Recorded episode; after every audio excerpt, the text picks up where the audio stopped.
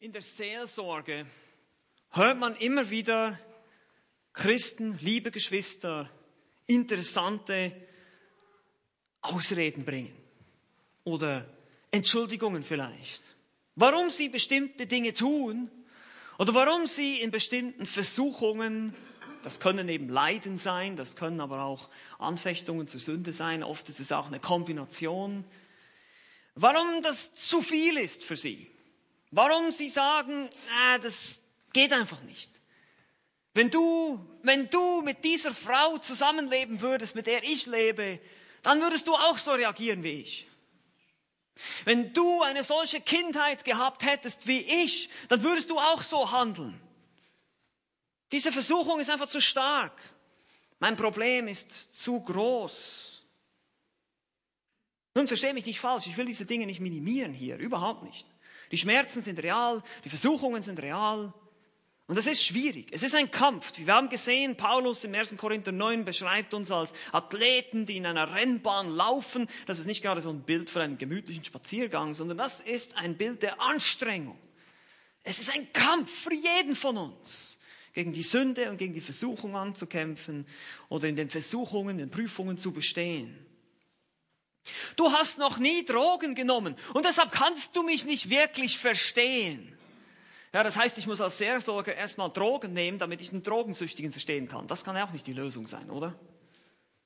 Ich muss nicht erstmal alle Erfahrungen machen, um alle Leute zu verstehen, sondern wir haben alle eine gemeinsame Erfahrung, eine gemein, ein gemeinsames Problem. Und es sind insgesamt vier Lügen, Vier Lügen, die ein solcher Mensch glaubt, wenn er in diesem Loch ist, in dieser Sackgasse, in dieser Kiste sich befindet und denkt, ich komme hier nie mehr raus, mein Leben ist zu Ende, ich werde für Christus nie wirklich nützlich sein können. Es gibt vier Probleme, und jetzt musst du erstmal gut zuhören. Vier Lügen, das sind jetzt nicht Wahrheiten, die ich jetzt hier sage, sondern das sind Lügen, die wir glauben in dem Moment, wenn wir falsch denken. Oder was führt zu, dieser, zu diesem Denken, das ist zu viel, ich halte das nicht mehr aus, ich kann nicht anders, ich muss so reagieren. Vier Lügen. Die erste Lüge, die du glaubst in dem Moment ist, mein Problem ist einzigartig. Mein Problem ist einzigartig. Diese Menschen denken dann oft, es gibt niemanden auf der ganzen weiten Welt, der es so schwer hat wie ich. Mein Problem ist kompliziert und speziell und da, reichen nicht, da reicht die Bibel nicht aus, da brauche ich mehr. Ich muss zum Psychologen, ich muss Psychotherapie haben. Und das ist das, was oft gedacht wird. Es ist zu kompliziert, zu speziell, zu einzigartig. Niemand leidet so wie ich. Niemand ist ein solches Opfer der Umstände wie ich. Das ist falsch. Das ist eine Lüge. Das ist Lüge Nummer eins. Wir werden dann auch noch zu den Wahrheiten kommen, keine Angst. Beschäftigen uns mit dem Lügen. Zweite Lüge, die du glaubst in dem Moment, wo du so angefochten bist und dann fällst, ist, Gott hat sich von mir abgewandt. Gott hat sich von mir abgewandt. Gott ist nicht treu. Gott liebt mich nicht mehr. Gott hat mich verlassen. Schau doch mal an, wie es mir geht. Schau mal an, wie schlecht es mir geht. Gott hat mich bestimmt vergessen. Gott liebt mich bestimmt gar nicht. Das kann nicht sein. Sonst würde es mir nicht so schlecht gehen.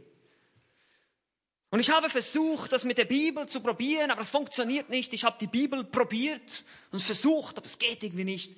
Dieses Christentum funktioniert irgendwie nicht. So denken die Menschen. Sie denken letztlich, dass Gott nicht treu ist. Und auch das ist eine Lüge. Dritte Lüge. Die Versuchung ist zu stark. Die Versuchung ist einfach zu stark. Gott verlangt einfach zu viel von mir. Ich kann nicht widerstehen. Ich soll sexuell rein sein, auch in meinen Gedanken. Das kann doch kein Mensch. Die Versuchung ist einfach zu stark. Andere mögen stärker sein. Ich bin nicht so stark. Ich bin einfach zu schwach. Gott gibt mir nicht genug Kraft. Ich habe so oft gebetet, dass Gott mir diese Versuchung wegnimmt. Ich habe so oft gebetet, dass Gott mir dieses Gefühl wegnimmt. Aber er nimmt es mir nicht weg. Es ist einfach zu stark für mich. Ich schaffe das einfach nicht. Das ist eine Lüge, die wir leider oft glauben. Nämlich jedes Mal, wenn du sündigst, glaubst du das. Ich kann nicht anders, ich muss es jetzt tun. Viertens, es gibt keinen anderen Weg. Das ist die vierte Lüge. gibt keinen anderen Weg. Es gibt keinen Ausweg. Es gibt keine Lösung für mich.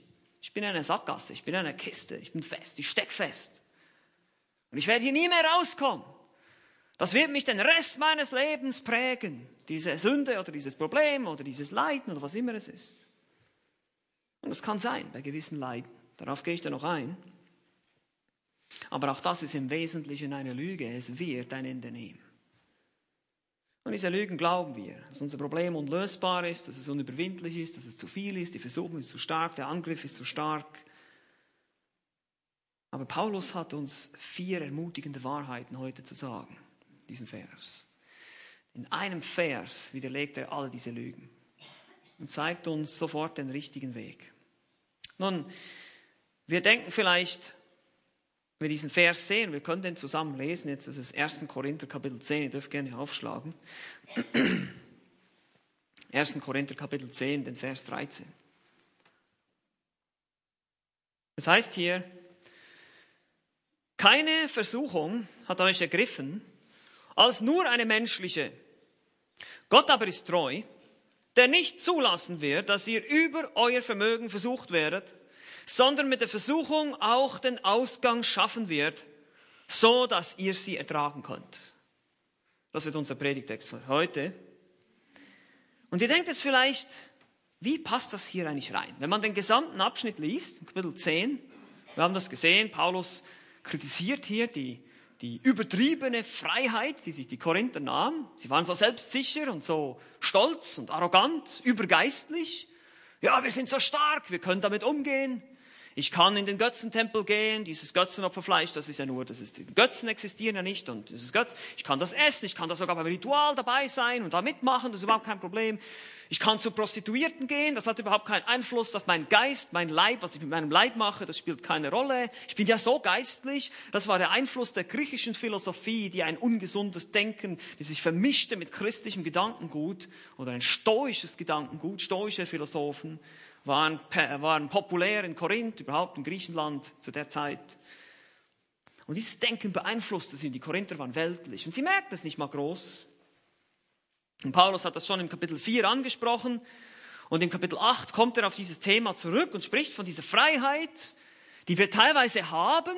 Ja, dass Erkenntnis Freiheit bringt, dass wir erkennen, dass Gott Gott ist und die Götzen nichtig, dass wir keine Angst haben müssen vor Fleisch, dass jetzt irgendwie den Götzen geopfert wurde oder in unserer heutigen Zeit wäre das irgendein Essen, über dem gependelt wurde. Da kommt dann nicht irgendein Dämon in mich herein, wenn ich das dann esse. Das, das hat überhaupt keine Macht über mich.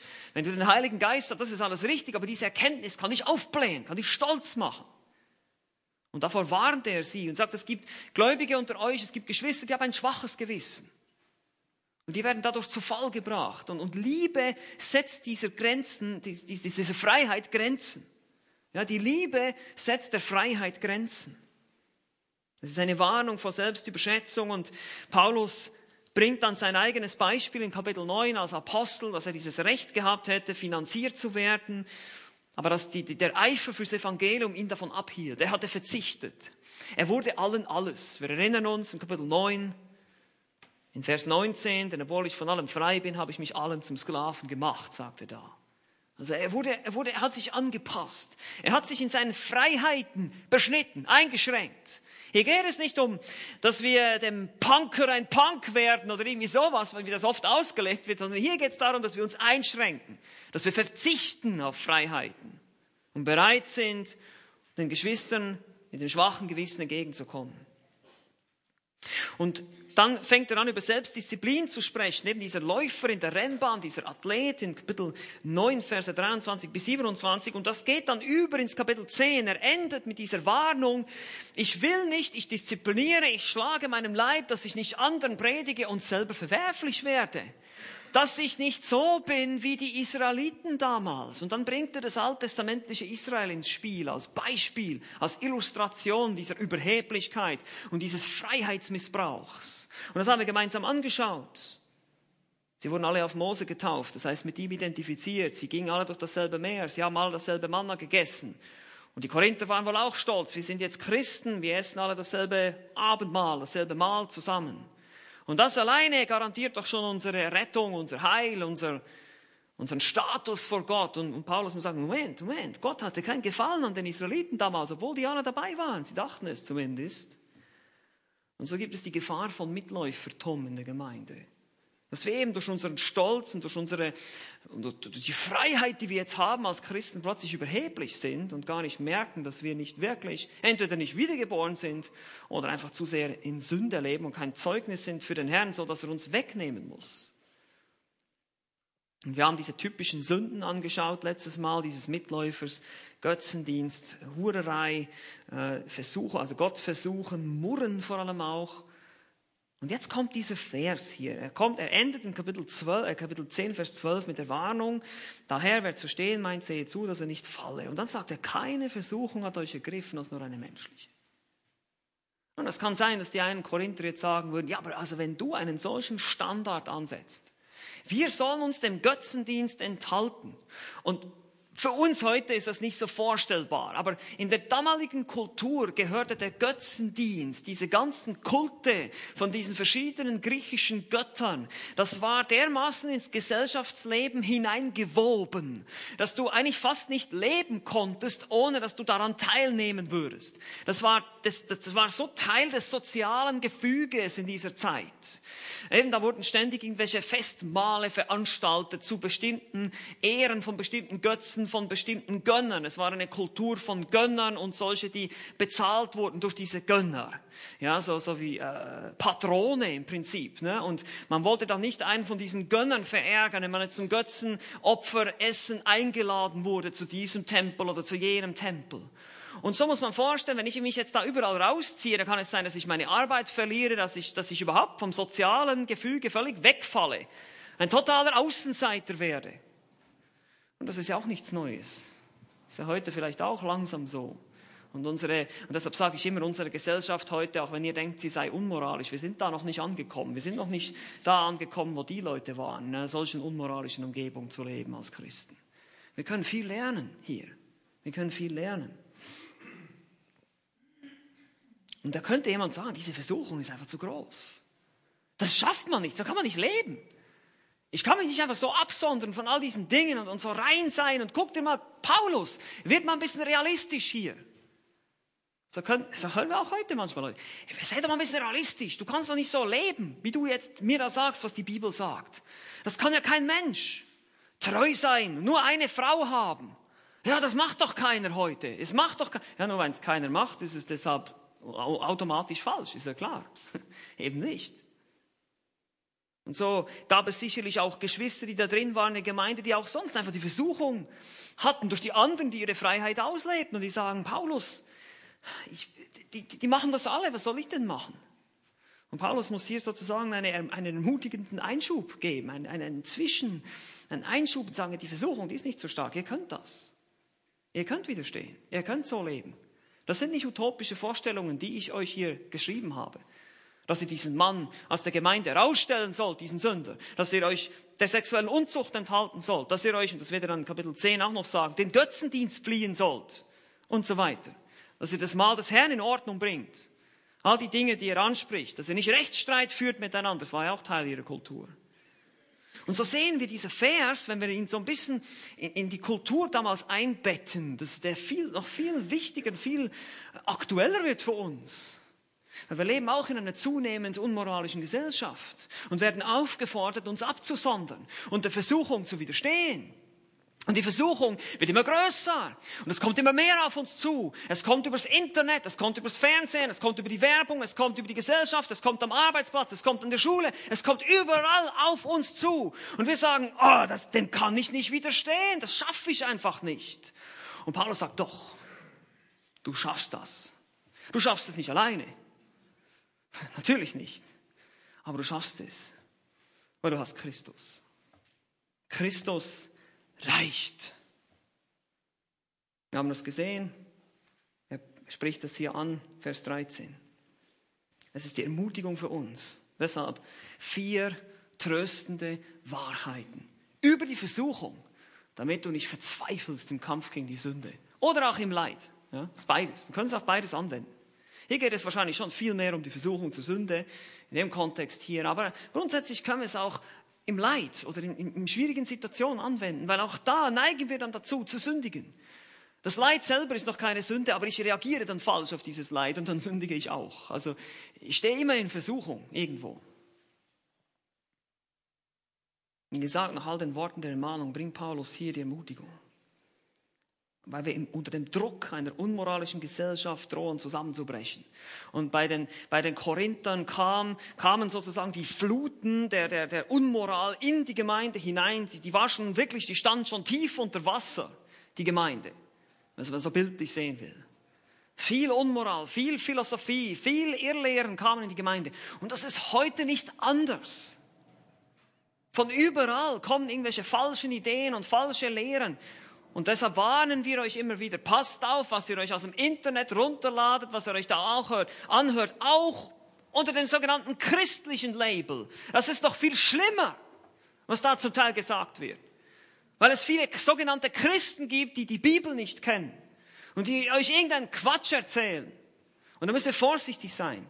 Sie kommen, sie kommen in diesen Schafskleidern und sie erzählen euch alles Mögliche, aber es ist nicht wahr. Und deshalb müssen wir heute genauso vorsichtig sein wie damals, weil wir sehen, was mit den Korinthern geschehen ist.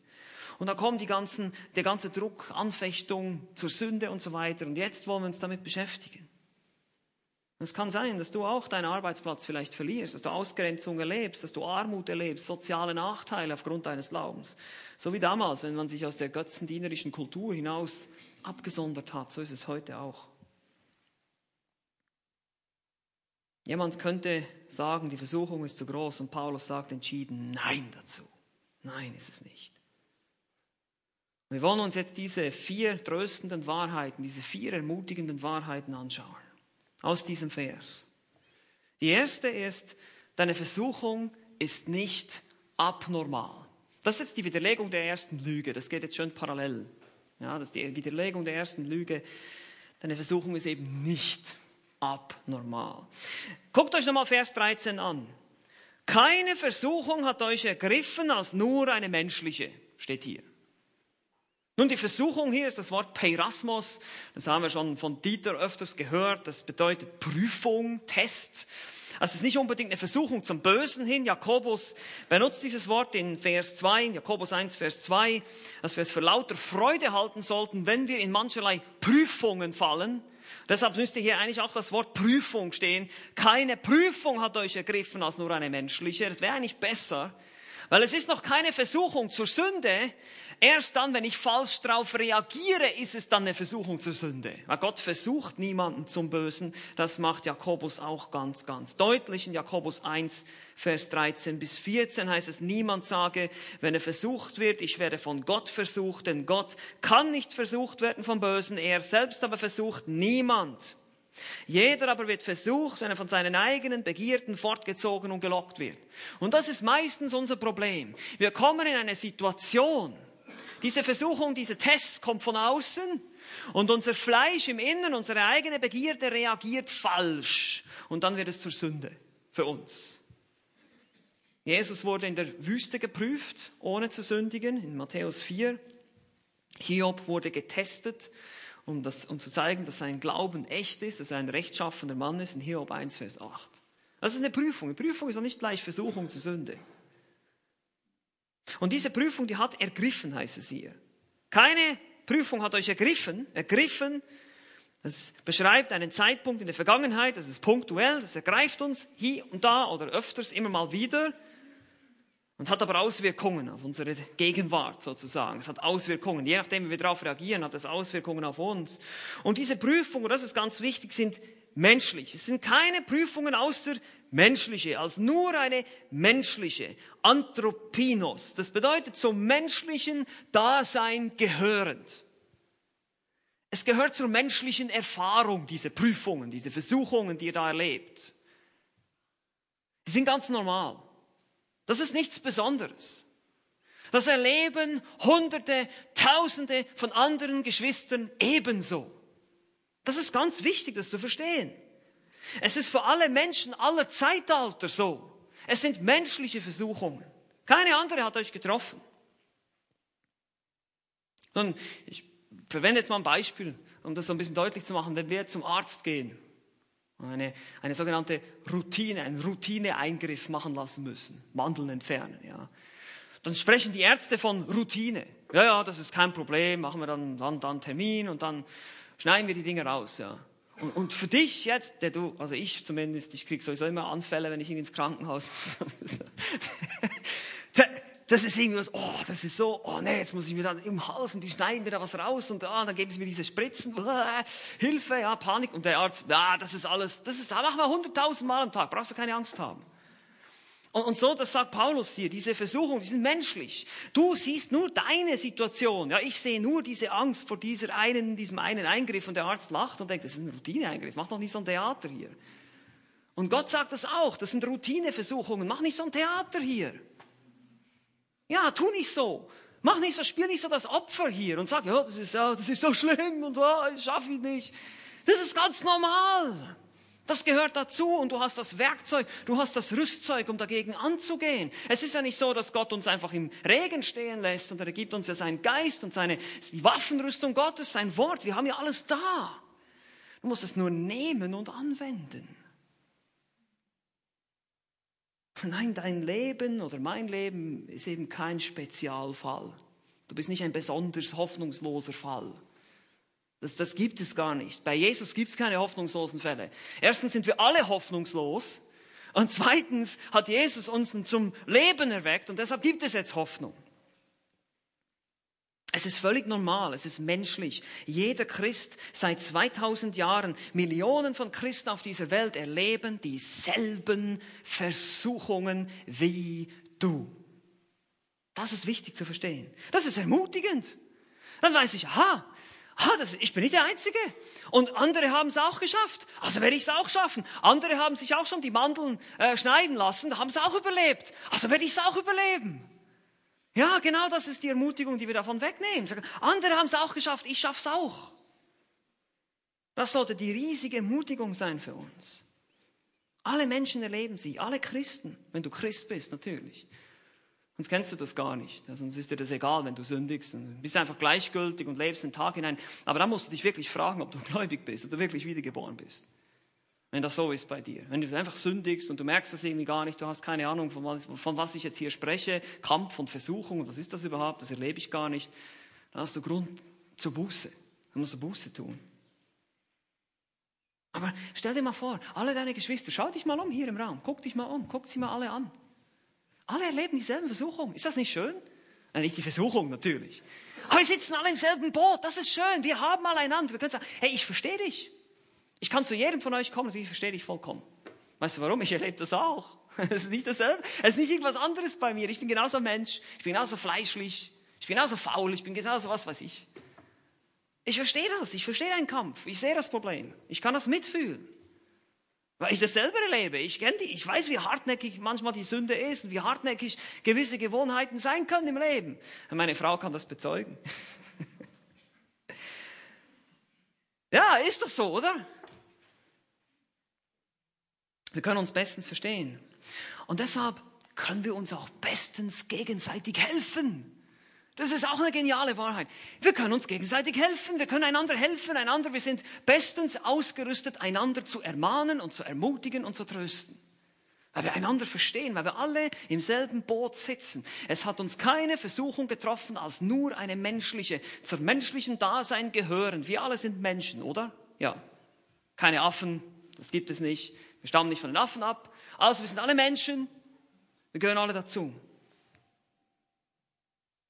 Lasst uns aufhören zu jammern und zu klagen und zu denken, ich bin der Einzige hier. Lasst uns Gottes Wort in die Hand nehmen. Gottes Wort hat die Lösungen für all deine Probleme, all deine Schwierigkeiten. Gott hat dieses Buch geschrieben. Er kennt den Menschen durch und durch. Er hat ihn nämlich selber geschaffen. Das ist sozusagen das, das, die Bedienungsanleitung zum menschlichen Leben hier. Weil er hat den Menschen geschaffen und hier hat er die Anleitung dazu. Und die sollten wir lesen. Und da finden wir alles, was wir brauchen. Auch für dein Problem. Und du denkst vielleicht, oh, das ist so speziell und so kompliziert, mein Problem. Glaub mir, es ist es nicht. So kompliziert, wie du denkst, ist es nicht. Es ist manchmal kompliziert, ja. Ich, ich sage nicht, es ist alles einfach und simpel und easy und so weiter. Äh, ihr müsst das nicht so denken. Ich minimiere das nicht. Ich weiß, wie schwierig das manchmal ist und wie komplex die menschlichen äh, Schwierigkeiten und Beziehungen manchmal sein können. Aber Gottes Wort hat die Antwort. Es ist nicht zu speziell, als dass Gott nicht eine Antwort hätte dafür. Gott ist nicht sprachlos bei deinem Problem. So ist es nicht. Also das ist das Erste, was wir lernen, was uns hoffentlich, was dich hoffentlich ermutigt. Christus ist die Hoffnung, die Lösung für all deine Probleme. Und es geht ja nicht nur darum, dass wir unsere Probleme lösen. Da kommen wir noch drauf. Gott ist nicht mal immer nur interessiert, deine Probleme zu lösen. Gott stellt diese Probleme in dein Leben, um dir vielleicht mit irgendwas zu helfen. Diese Prüfungen, die kommen, um deinen Glauben zu stärken. Und deshalb heißt es dann auch, wir sollen ausharren, wir sollen sie ertragen am Schluss dieses Verses. Aber das ist erstmal der Punkt, der, der einsinken muss. Meine Probleme sind nicht abnormal, es ist nichts Besonderes. Andere können mich sehr gut verstehen. Mein Fall ist nicht irgendwie so speziell und so kompliziert, dass mir keiner helfen könnte oder dass Gott es nicht verstehen würde. Nein. Das ist das Erste. Die erste tröstende Wahrheit. Die zweite tröstende Wahrheit, die uns hilft im Kampf gegen die Versuchung, die Sünde oder die Versuchung zur Sünde oder überhaupt Versuchung im Leid auch. Zweitens, Deine Versuchung ist unter Gottes Kontrolle. Das ist der zweite Punkt. Deine Versuchung ist unter Gottes Kontrolle. Wenn wir weiterlesen, wir lesen nochmal Vers 13 hier, und das ist eigentlich so einfach. Wir, wir, lesen einfach, was da steht. Das ist, keine Versuchung hat euch getroffen, als nur eine menschliche. Gott aber ist treu. Gott ist treu, heißt es hier. Das habe ich euch am Anfang gesagt. Was ist die Lüge, die wir glauben? Gott hat mich verlassen. Gott liebt mich nicht. Das heißt mit anderen Worten, Gott ist nicht treu. Ja, Gott hält nicht, was er verspricht. Wir haben heute Morgen in der Fundamentaltheologie haben wir das angeschaut, dass Gott treu ist, dass er wahrhaftig ist. Gott ist treu, Pistos, das ist vertrauenswürdig. Man kann sich auf ihn verlassen. Und wir haben heute gehört, dass wir keine Eigenschaft Gottes isoliert von allen anderen betrachten sollten. Das machen wir jetzt auch. Gott ist treu und er kann treu sein. Er ist immer treu. Alles, was er sagt, wird geschehen. Warum? Er hat auch die Macht dazu, diese Dinge auszuführen. Er ist allmächtig. Er hat, hat die Macht dazu, alles nach seinem Ratschluss auszuführen heißt es in Epheser 1, 11, alles geschieht nach dem Vorsatz dessen, der alles wirkt, nach dem Ratschluss seines Willens. Es geschieht alles genauso, wie es Gott bestimmt hat und nicht anders. Und wie gesagt, von der Sünde fernbleiben, damals hieß es eben, wie gesagt, von der Kultur ausgeschlossen zu werden, soziale Ausgrenzung zu erleben, sozialer Status zu verlieren, Finanzen zu verlieren, einen Gönner zu verlieren, der mir hilft und so weiter. Man kann sich diesen Druck vorstellen, dem Christen damals ausgesetzt waren und wie gesagt, diesen gesellschaftlichen Druck erleben wir heute auch. Ja, oute dich mal irgendwo am Arbeitsplatz oder in der Öffentlichkeit, was die Bibel über Homosexualität sagt. Da kannst du schon ins Gefängnis kommen oder ein Strafgeld. Ich weiß nicht genau, wie die Gesetze sind im Moment. Aber auf jeden Fall kannst du schon richtig Probleme kriegen. Wegen Diskriminierung. Ja, dabei hat es überhaupt nichts damit zu tun. Gott sagt, das ist eine Sünde. Punkt aus. Ich sage auch dasselbe gegenüber dem Dieb und dem Mörder. Das sind Sünden. Ja, das ist nicht jetzt ein Unterschied. Das ist nicht irgendwie das Homosexualität. Es ist schon eine schlimme Sünde, aber ich verstehe, was ich meine. Es ist alles Sünde. Das will ich alles in die Hölle bringen letztlich. Da gibt es keinen Unterschied. Aber hier heißt es, Gott ist treu, wir dürfen ihm vertrauen. Er sitzt immer noch auf dem Thron. Egal wie schlimm der Druck ist, der auf dir lastet, egal wie schlimm die Versuchung wird, wie stark du gemobbt wirst, ausgegrenzt wird, du darfst wissen, Gott ist treu. Es gerät ihm nicht außer Kontrolle. All das, was um dich herum geschieht, inklusive was bei dir geschieht, ist unter seiner Kontrolle. Und es geschieht nichts außer das, was er bestimmt hat, bevor diese Welt überhaupt existierte. Er hat das schon beschlossen, schon lange. Schon lange bevor wir überhaupt alle existierten, hat er das beschlossen. Und deshalb, egal wie groß deine, vielleicht deine Eheprobleme sind oder deine Finanzprobleme oder deine Schwierigkeiten, deine Beziehungen in der Gemeinde oder, oder was auch immer mit Freunden, mit Ungläubigen, mit Verwandten, mit Familie oder mit dem Arbeitsplatz oder mit dem Chef, Ausgrenzung, Mobbing, was immer du erlebst, du darfst wissen, Gott ist treu. Er hat dich nicht verlassen. Er ist treu. Gott interessiert sich immer noch für dich, denn er ist treu. Er liebt dich immer noch denn er ist treu. Er hat seinen Sohn für dich gegeben. Sagt es mit mir. Er ist treu. Ja, das müssen wir uns immer wieder sagen. Gott ist treu. Er hält, was er verspricht. Ich darf mich darauf verlassen, was hier steht. Er vergibt dir alle deine Sünden, denn was? Gott ist treu. Er nimmt dich an, wenn du ihm deine Sünde bekennst. Er vergibt dir alle deine Schuld und reinigt dich von Ungerechtigkeit. 1. Johannes 1, Vers 9. Warum? Weil Gott ist treu. Er hat die Macht, es zu tun. Und er wird es tun. Du kannst ihn beim Wort nehmen. Und jetzt kommt der Punkt. Gehorsam gegenüber seinem Wort ist möglich. Denn Gott ist treu. Du darfst sagen, das ist das, was hier steht. Und das ist das, was ich jetzt tun werde. Egal, ob ich mich danach fühle, egal, was ich jetzt gerade Lust habe, ich werde es jetzt einfach tun, weil Gott es gesagt hat. Und Gott wird mir helfen, so wahr mir Gott helfe, hat Luther gesagt damals. Ja, als er sich verteidigen musste. Sein Gewissen war gebunden an Gottes Wort. Er musste einem ganzen Staatsapparat entgegengehen. Die katholische Kirche war damals so mächtig, er ging gegen die ganze Welt an eigentlich. Und die ganze Welt forderte von ihm, widerrufe deine Lehren. Und Luther sagte, ich kann nicht anders. Geht einfach ich kann nicht widerrufen. Mein Gewissen ist an Gottes Wort gebunden. Gott helfe mir. Und Gott war treu und hat ihm geholfen. Das sieht man, wenn man seine Geschichte liest. Und deshalb auch die Bibel funktioniert, auch in deinem Leben. Die Bibel funktioniert. Die Bibel ist allgenügsam. Das Wort Gottes reicht. Christus ist genug. Warum? Er ist treu. Und die Bibel wiederholt das immer wieder. Das ist eine Grundlage unseres Glaubens. Dass Gott treu ist, da kann man die ganze Schrift von vorne bis hinten durchgehen. Nicht nur da, wo die Aussagen gemacht werden, sondern auch in den Geschichten. Wie man sieht, wie Gott immer treu ist, wie man sich auf seine Verheißungen immer verlassen kann. Sei das in Israel, sei das dann später auch in der neutestamentlichen Gemeinde. Wir sehen das durch das Band, wie ein roter Faden durch die gesamte Schrift.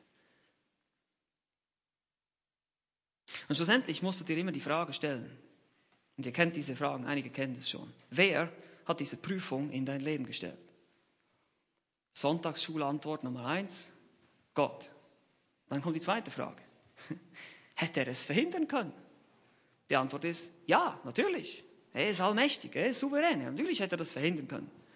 Jetzt kommt die dritte Frage. Hat er es verhindert? Nein.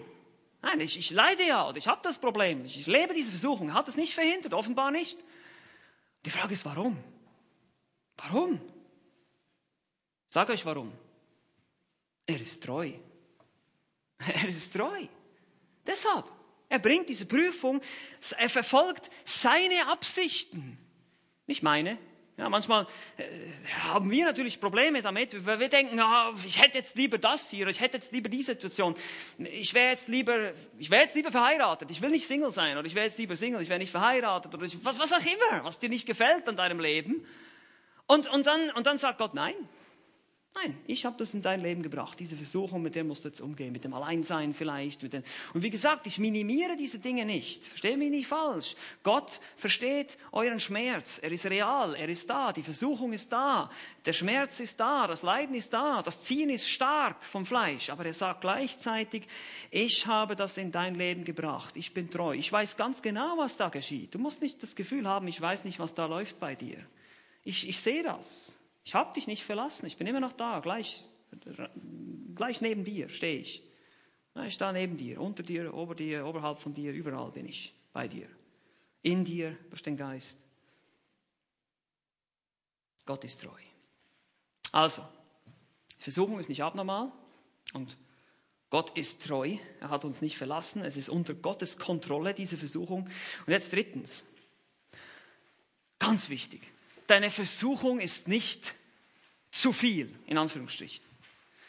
Habe ich absichtlich so formuliert. Lest nochmal Vers 13. Und wie gesagt, lasst uns einfach lesen, was da steht und es glauben. Keine Versuchung hat euch ergriffen als nur eine menschliche. Gott aber ist treu, der nicht zulassen wird, dass ihr über euer Vermögen versucht werdet. Bis hierher. Das ist die dritte Wahrheit. Die Versuchung ist nicht zu viel. Gott wird es nicht zulassen. Dieses Verb hier bedeutet so viel wie erlauben. Er gibt nicht die Erlaubnis. Er lässt es nicht zu. Er ergibt, das heißt, jede Versuchung, jede Prüfung, die dich trifft, geht über den Schreibtisch Gottes. Und er sagt, okay, okay, nee, das nicht, das schon, das schon, und es kommt gegen dich. So musst du dir das vorstellen. Er wird es nicht erlauben, er erlaubt es nicht, wenn es über dein Vermögen geht. Wenn es aber deinem Vermögen, deinen Fähigkeiten entspricht, ich komme gleich noch darauf zu sprechen, was das bedeutet, dann erlaubt er es. Dann sagt er, ja, okay, gut. Dass ihr versucht werdet, hier auch wieder das Verb peirazo, was dafür bedeutet wie testen, also hat mit dem Wort perasmos zu tun, also prüfen, testen. Wie gesagt, Gott versucht uns nicht zum Bösen, aber er lässt es zu, dass wir geprüft werden. Dass unser Glaube geprüft wird, unsere Treue geprüft wird. Und das ist letztlich Gottes Antwort auf das Gebet. Führe uns nicht in Versuchung, sondern errette uns von der Bösen. Lass es nicht zu, dass wir in die Prüfung fallen und dann ins Böse hineingehen, sondern dass wir die Versuchung, die, die Prüfung bestehen. Dass wir die Prüfung bestehen. Er lässt uns nicht über unser Vermögen, das ist auch noch wichtig, das Wort Vermögen hier ist Dunamai. Das bedeutet, ihr werdet nicht über das versucht, was ihr fähig seid zu tun. Fähigkeit. Und hier natürlich die Fähigkeit als Christ, selbstverständlich. Es geht ja nicht um meine eigene Kraft, es geht darum, dass ich den Heiligen Geist habe, der in mir wirkt. Und Gott erwartet von mir nichts mehr als das, was ich als Gläubiger, als wiedergeborenes Kind Gottes auch ertragen könnte. In der Kraft seines Geistes. Ihr seid fähig. Ihr habt die Kraft Gottes in euch. Ihr seid fähig. Ihr könnt das. Und das ist genau sein Punkt, weil genau diese Ausrede erwartet er ja. Unser gesellschaftlicher Druck ist viel zu groß, unsere Gesellschaft ist viel zu extrem, viel zu krass. Das können wir gar nicht. Wir können nicht so leben, wie du das erwartest, Paulus. Und Paulus sagt, nein. Diese Ausrede erlaube ich dir nicht. Paulus oder der Heilige Geist erlaubt dir diese Ausrede nicht. Wisst ihr, welche Ausrede das ist? Drei Worte. Ich kann nicht. Das ist eine Ausrede, okay? Als Christ. Das, Paulus erlaubt das nicht. Er sagt, du wirst nicht über dein Vermögen versucht. Du kannst. Also die Worte, ich kann nicht. Und du, ihr könnt euch nicht vorstellen, wie oft ich das höre. Gerade in der Seelsorge. Ich kann einfach nicht. Ich kann nicht mit dieser Frau leben. Ich kann nicht mehr in unserer Ehe. Das geht einfach nicht. Ich muss eine Scheidung haben. Ich kann nicht so. Ich kann einfach diese Versuchen nicht widerstehen. Ich kann nicht, ich kann nicht, ich kann nicht, ich kann nicht. Und wenn wir ehrlich sind, müssen wir diese drei Worte übersetzen. Und müssen sie, um, um wahrhaftig zu sein, müssen wir sagen, ich will nicht. Ja, ich will nicht. Weil oft ist das unser Problem. Ich liebe meine Sünde zu sehr. Vielleicht liebe ich diese Opferrolle. Vielleicht liebe ich diese Situation und will deshalb nicht aus ihr heraus. Ich liebe es, wenn alle mich tüddeln und sich alle um mich kümmern und ich da der Arme bin. Es ist auch genauso stolz, wie wenn du irgendwie überheblich bist und denkst, du kannst alles und alle sehen, dass du dein Leben nicht im Griff hast. Das ist selber Stolz. Ich kann nicht bedeutet eigentlich, ich will nicht. Wir lieben unsere Sünde. Wir lieben vielleicht unsere Bequemlichkeit, unsere Hobbys, was immer uns wichtiger ist als Gott. Wir haben auch schon über Götzendienst gesprochen. Wir leben, und das ist ein Problem in unserer Gesellschaft heute. Deshalb gibt es in der westlichen Gesellschaft, sei das jetzt Westeuropa oder auch Nordamerika, es gibt kaum eine Gesellschaft, wo es so viele Leute gibt mit sogenannten Depressionen. Wisst ihr, warum das so ist? Weil wir leben für das Glücklichsein. Ja? Wir, wir glauben, und das wird uns so eingeimpft in unserer Gesellschaft, wir leben für unser Glücklichsein. Das ist das höchste Ziel. Ich muss glücklich sein. Und das heißt so viel wie, ich muss mich gut fühlen. Ich lebe für die Befriedigung aller meiner Lüste. Ich muss alles sofort kriegen. Ja, alles muss sofort on demand, wie sagt man, auf, auf Bestellung, unmittelbar. Ich muss es sofort haben. Jetzt gleich will ich meine Befriedigung haben. Jetzt gleich will ich das Ding haben. Ich will jetzt mein neues Handy. Ich will jetzt, was immer. Und ich lebe dafür, glücklich zu sein. Und, und die Gesellschaft lebt dafür, glücklich zu sein. Es wird uns als Kind eingeimpft. Aber weißt du was? Nicht du. Du lebst nicht fürs Glücklichsein, du lebst für Christus. Das ist ein Riesenunterschied. Ein riesiger Unterschied. Ich lebe nicht für mich selbst, ich lebe für Christus. Christus ist mein Leben und Sterben ist mein Gewinn. Ist das wirklich so? Und da frage ich mich selbst, ist das wirklich so bei mir? Und das ist manchmal das Problem, dass wir dann denken, wir müssen sündigen. Wir haben das falsche Ziel vor Augen. Wir leben, um glücklich zu sein. Und Gott sagt, nee, das ist nicht mein Ziel. Ich will, dass du heilig bist. Ich will nicht, dass du unbedingt jetzt immer glücklich bist und alles immer happy läuft und ganz einfach ist für dich. Und wenn du Christus nachfolgst, wirst du das sehr schnell feststellen, dass das nicht so ist. Das Leben ist für mich Christus und Sterben mein Gewinn, sagt Paulus in Philipper 1,21. In Christus, und jetzt kommt die Ermutigung hier. In Christus kannst du. Du hast die Fähigkeit zu widerstehen. Du hast die Fähigkeit, die Prüfung zu bestehen und zu wachsen in Christus Ähnlichkeit. Jede Prüfung, jedes Leid, ja selbst jede Versuchung zur Sünde, siehe sie als eine Gelegenheit, in Christus zu wachsen. Vielleicht musst du in Geduld wachsen, vielleicht musst du in Barmherzigkeit wachsen, vielleicht musst du in, was weiß ich, was die Eigenschaft ist, die Gott in dir in dem Moment zum Wachsen bringen will. Aber das ist genau der Punkt. Und wir brauchen Prüfungen, um zu sehen, ob wir, ob wir schon gewachsen sind. Wie reagiere ich, wenn ich angeschnauzt werde auf der Straße? Oder, und dann kann ich sehen, wie barmherzig und wie geduldig ich bin oder wie liebevoll. Und wenn mir auf der, oder wenn mir im Straßenverkehr jemand den Vortritt nimmt, was kommt da raus? Ja, was, was, ja, dann sehen wir, wie, wie geistlich wir wirklich sind, ja. Und da können wir wachsen. Umstände sind egal. Es ist immer die Frage, ob ich gehorsam sein will. Egal in welchen Umständen du bist. Alle deine Versuchungen sind nur menschlich. Es gehört zur menschlichen Erfahrung. Es ist nichts Besonderes und Gott hat dir alles gegeben, was du brauchst. Du hast seinen Geist, du hast sein Wort, du bist bestens ausgerüstet. Du kannst widerstehen. Und was ist mit dem Teufel? Was ist mit dem Teufel? Nun, der Teufel ist ebenfalls unter Gottes Kontrolle, heißt es in Hiob. Der Teufel muss auch erstmal Gott um Erlaubnis fragen, bevor er Hiob quälen darf. Und Gott sagt, Okay, aber nicht sein Leben. Das nicht. Das darfst du nicht. Und der Teufel kann nichts dagegen tun. Er muss sagen, okay, gut. Er hasst Gott, aber er muss ihm trotzdem gehorchen. Er muss sich seiner Autorität unterwerfen. Selbst der Teufel ist Gottes Teufel, sagt Luther. Das ist einfach, er steht auch unter seiner Kontrolle. Und deshalb, in welcher Prüfung, in welchem Leid, in welcher Situation du auch immer stehst, jetzt gerade im Moment, denke daran, es ist nicht zu viel. Gott hat dir alles gegeben, was du brauchst. Er wird dich nicht über dein Vermögen prüfen.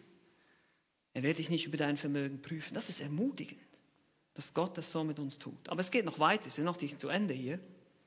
Deine Versuchung ist nicht abnormal, sie ist unter Gottes Kontrolle. Das ist nicht so viel. Und jetzt viertens, das ist auch ganz wichtig, deine Versuchung wird ein Ende nehmen oder ein Ende haben. Deine Versuchung wird ein Ende haben. Nun, wir lesen nochmal Vers 13. Keine Versuchung hat euch ergriffen als nur eine menschliche. Gott aber ist treu, der nicht zulassen wird, dass ihr über euer Vermögen versucht werdet, sondern mit der Versuchung auch den Ausgang schaffen wird, so dass ihr sie ertragen könnt. So dass ihr sie ertragen könnt. Nun, wie gesagt, die Versuchung ist menschlich. Gott bleibt treu. Ihr werdet nicht, es wird nicht mehr von euch oder von uns verlangt, als was wir tragen könnten. Und das heißt hier jetzt, er wird schaffen. Das steht ganz am Anfang des griechischen Satzes. Er wird schaffen einen Ausgang. Äh, das ist ein Futur. Er wird es tun. Das ist Zukunftsform, das steht fest. Mit der Versuchung, in Verbindung mit der Versuchung, mit dem Test, mit der Prüfung, auch einen Ausgang, Eckbasis, ein Ende einer Zeitspanne, ein Ausweg, ein Ende wird es haben. Er wird den Ausgang schaffen. Das ist hier ganz wichtig, das ist ein Artikel. Er wird den Ausgang schaffen. Es gibt nur einen. Es gibt nur einen Ausgang für die Prüfung. Wisst ihr, was der Ausgang deiner Prüfung ist? Durch die Prüfung. Direkt hindurch. Mitten rein in die Prüfung. Nicht weg davon und fliehen und wegrennen. Nein, es gibt nur einen Ausweg. Attacke für uns Christen. Hinein in die Prüfung. Stürz dich rein. Und dann heißt es hier, so, dass ihr sie ertragen könnt. Hupofero. Du wirst drunter bleiben, du wirst es ertragen können, du wirst es tragen. Weil Gott gibt dir nicht mehr, als du tragen kannst. Du trägst es. Du trägst es in der Kraft Gottes. Du leidest in der Kraft Gottes. Du verherrlichst ihn durch dein Leiden, deine Krankheit, deine Prüfungen, deine Versuchungen. Du trägst das. Du brichst nicht zusammen, weil du hast den Heiligen Geist. Du hast die Kraft Gottes in dir. Gott schafft den Ausgang nicht, indem er deine Probleme wegnimmt. Und das ist genau unsere Schwierigkeit. Wir beten immer, Herr, bitte nimm mir diese Probleme weg. Und Gott sagt, nee. Was ist, wenn ich will, dass du diese Probleme jetzt hast und wenn ich will, dass du jetzt geistlich wächst? Und oft ist das genau der Fall. Nun, es gibt natürlich Dinge, äh, Sünde in unserem Leben, da müssen wir natürlich, kann man nicht Gott die Schuld geben und sagen, ja Gott, du hast mir diese Sünde gegeben, da sind wir natürlich verantwortlich, müssen wir Buße tun. Aber es gibt diese Prüfung, diese Versuchung, die in dem Leid, in der Schwierigkeit dann zur Sünde werden kann, wenn wir nicht richtig reagieren. Letztlich ist der Ausgang, der Fluchtweg, ist die Erlösung in Christus Jesus. Wir sind erlöst in Christus, wir sind neue Kreaturen, wir können ertragen und es wird auch ein Ende haben, ein ultimatives Ende, nämlich nachdem du entweder gestorben bist oder entrückt wirst. Dann wird alles vorbei sein. Und das ist manchmal auch wiederum Schwierigkeiten, die wir haben, weil wir sie oft aus einer irdischen Perspektive betrachten. Wir schauen nur auf unser lächerliches, tut mir leid, ich muss es so sagen, unser lächerliches Leben hier. Unsere 70 Jahre, wenn es hochkommt, 80 Jahre, wenn überhaupt. Was ist das schon im Vergleich zu einer Ewigkeit? Was ist das schon? Und manchmal denke ich, im Himmel, es wird natürlich anders sein, wir werden ja nicht mehr sündigen können, aber ich denke manchmal im Himmel werde ich mir den Kopf langen und sagen, bah, warum war ich nur so doof? Und habe nicht mehr gemacht, noch mehr für den Herrn. Warum habe ich mich nicht noch mehr diszipliniert? Warum habe ich nicht noch mehr mich zusammen? Wenn ich diese Herrlichkeit sehe, und das ist jetzt eine Ewigkeit.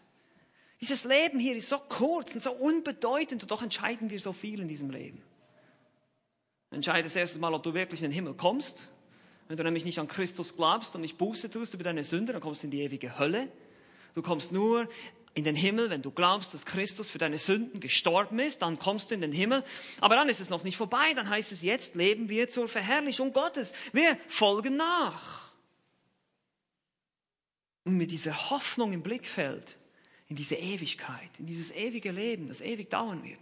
Und wir sagen, was hier ist, in dieser Welt, wenn ich jetzt hier leiden muss, wenn ich jetzt hier noch was weiß ich alles erlebe, okay.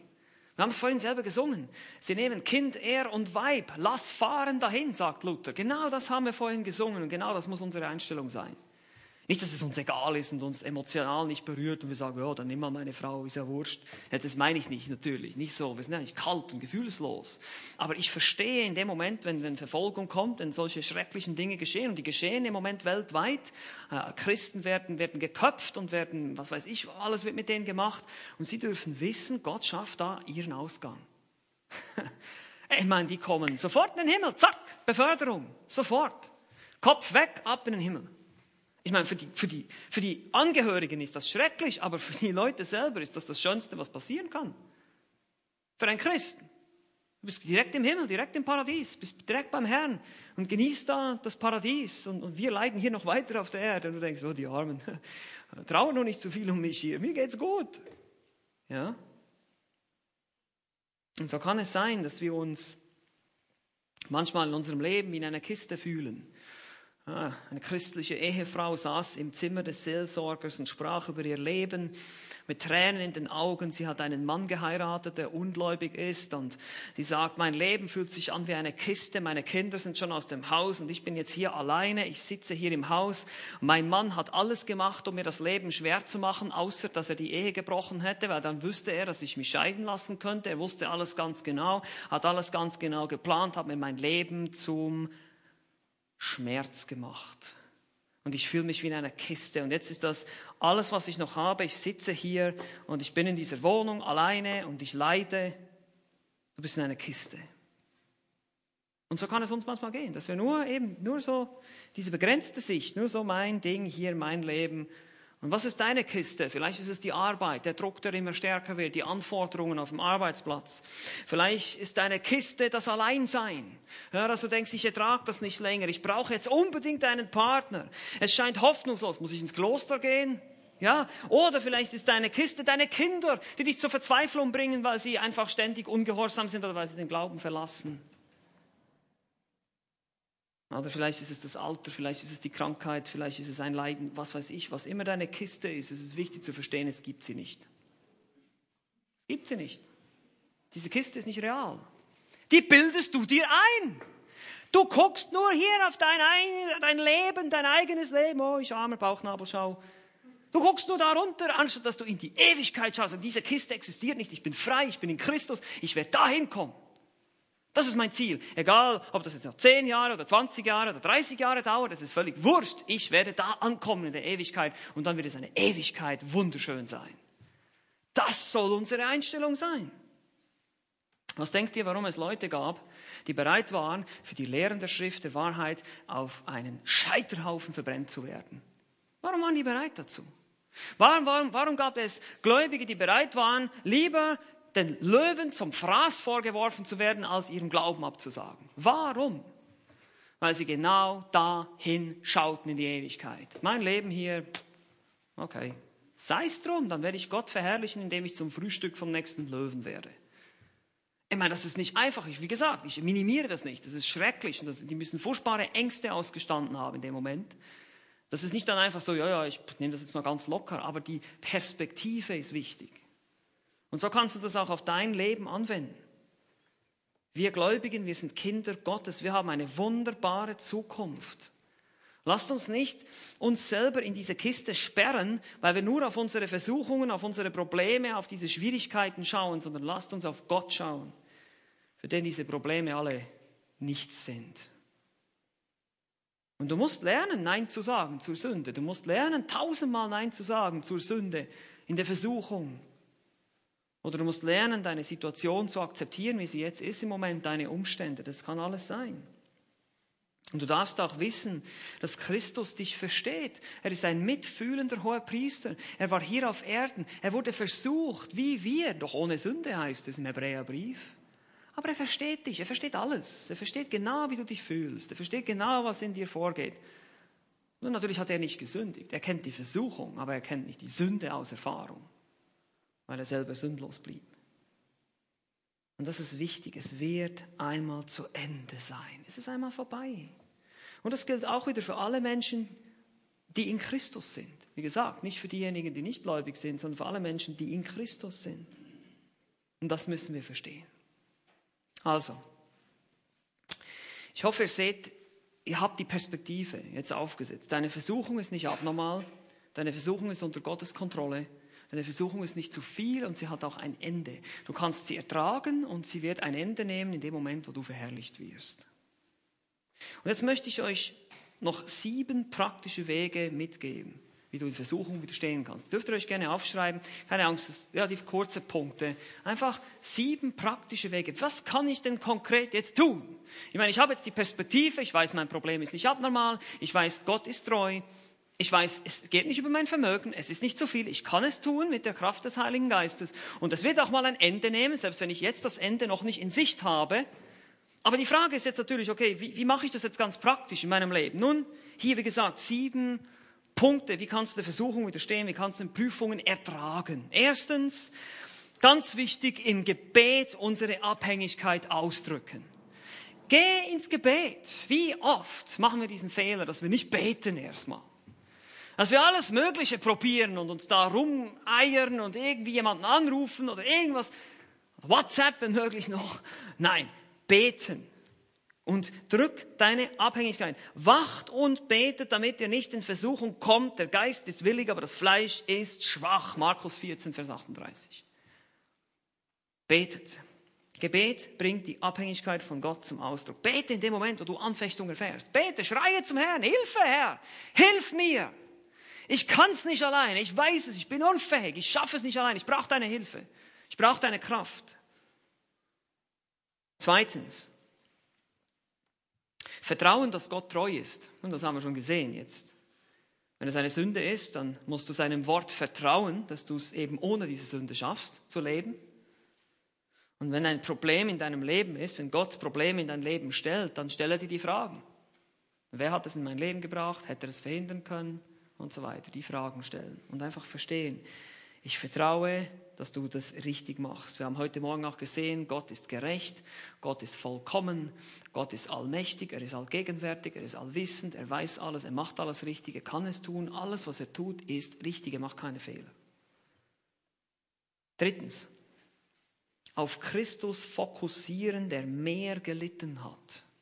Das ist auch ein Aspekt, den wir oft vergessen. Christus hat mehr ertragen, als wir je zu ertragen haben. Wisst ihr warum? Christus war unschuldig. Wir haben es verdient. Christus war unschuldig, deshalb war es schlimmer, sein Leid. Achtet doch auf ihn, der solchen Widerspruch von den Sündern gegen sich erduldet. Seht von den Sündern muss der Widerspruch erdulden, damit ihr nicht müde werdet und den Mut verliert. Ihr habt noch nicht bis aufs Blut widerstanden im Kampf gegen die Sünde. Hebräer 12, Verse 3 bis 4. Hebräer 12, 3 bis 4. Er hat für uns bezahlt, er hat gelitten für dich, damit du ewiges Leben haben kannst. Und deshalb kann er dich sehr gut verstehen. Viertens, den geistlichen Reichtum erkennen in Christus. Den geistlichen Reichtum erkennen in Christus. In Christus sind uns alle geistlichen Reichtümer geschenkt. Epheser 1, Vers 3. Diejenigen, die in meinem Hauskreis sind, die kennen das schon. Wir wiederholen das jedes Mal. Worum geht es im Epheserbrief? Es geht um den unausforschlichen Reichtum des Christus, mit dem er uns gesegnet hat, um unsere Stellung in Christus und dann letztlich in Kapitel 4 bis 6, wie wir das praktizieren sollen. Aber werde dir dieser Stellung bewusst, die du hast.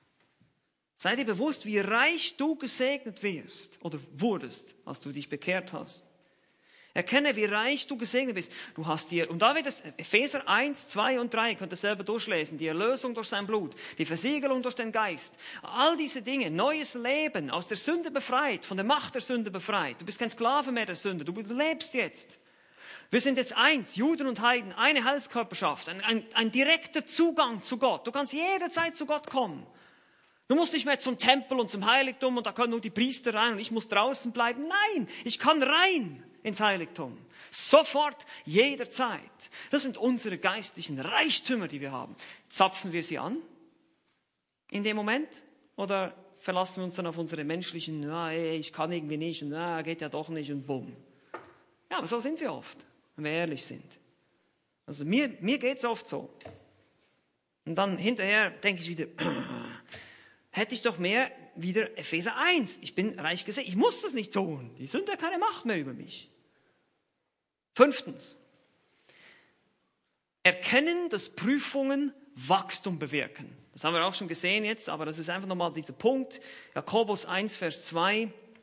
Wir sollen uns freuen, da ihr ja wisst, dass die Bewährung eures Glaubens standhaftes Ausharren bewirkt. Das standhafte Ausharren aber soll ein vollkommenes Werk haben, damit ihr vollkommen und verständig seid und es euch an nichts mangelt. Das sind Verse 3 bis 4. Das in Vers 2 sagt, er freut euch, wenn ihr in Prüfungen fallt und dann sagt er in Versen 3 bis 4, die Bewährung, das bewirkt Bewährung und Ausharren. Ihr wachst im Glauben. Prüfungen bringen geistliches Wachstum. Ich sage immer, oder uns wurde damals am Seminary gesagt, oder auch Schülern, die in der Schule seid, haben immer Angst vor Prüfungen, vor Tests, ja, wenn es wieder eine Arbeit gibt. Und ich sage, Tests sind deine Freunde. Tests sind deine Freunde. Weißt du warum? Sie zeigen dir, was du schon kannst und was du noch lernen musst. Dafür sind die Tests da. Und genauso gibt uns Gott eben auch Tests, Examen, die wir bestehen. Und wenn wir sie nicht bestehen, auf die Nase fahren, sagt er, gut, stehst wieder auf, ich vergebe dir, nächster Test. So geht das. Wir werden trainiert. Er lässt uns nicht einfach da so rumschwabbeln, sondern nein, nein, nein, komm, komm, komm, weiter trainieren, weitermachen, weitermachen. Gott ist so ein Coach, ja, der uns so richtig, oh, lass weiter aufstehen, weitermachen, aufstehen, weitermachen. Es, er vergibt immer wieder, aber er will uns auch trainieren. Er will, dass wir weiterkommen. Er will nicht, dass wir einfach liegen bleiben. Uh. Ja. Erkennen, dass Prüfungen Wachstum bewirken. Sechstens, erkennen, dass Gott verherrlicht wird, wenn wir Prüfungen ertragen. Gott wird verherrlicht. Philipper 1, Vers 29. Denn euch wurde, was Christus betrifft, die Gnade verliehen. Seht ihr, das ist eine Gnade, das ist ein Geschenk, ein Gnadengeschenk. Nicht nur an ihn zu glauben, sondern auch um seinetwillen zu leiden.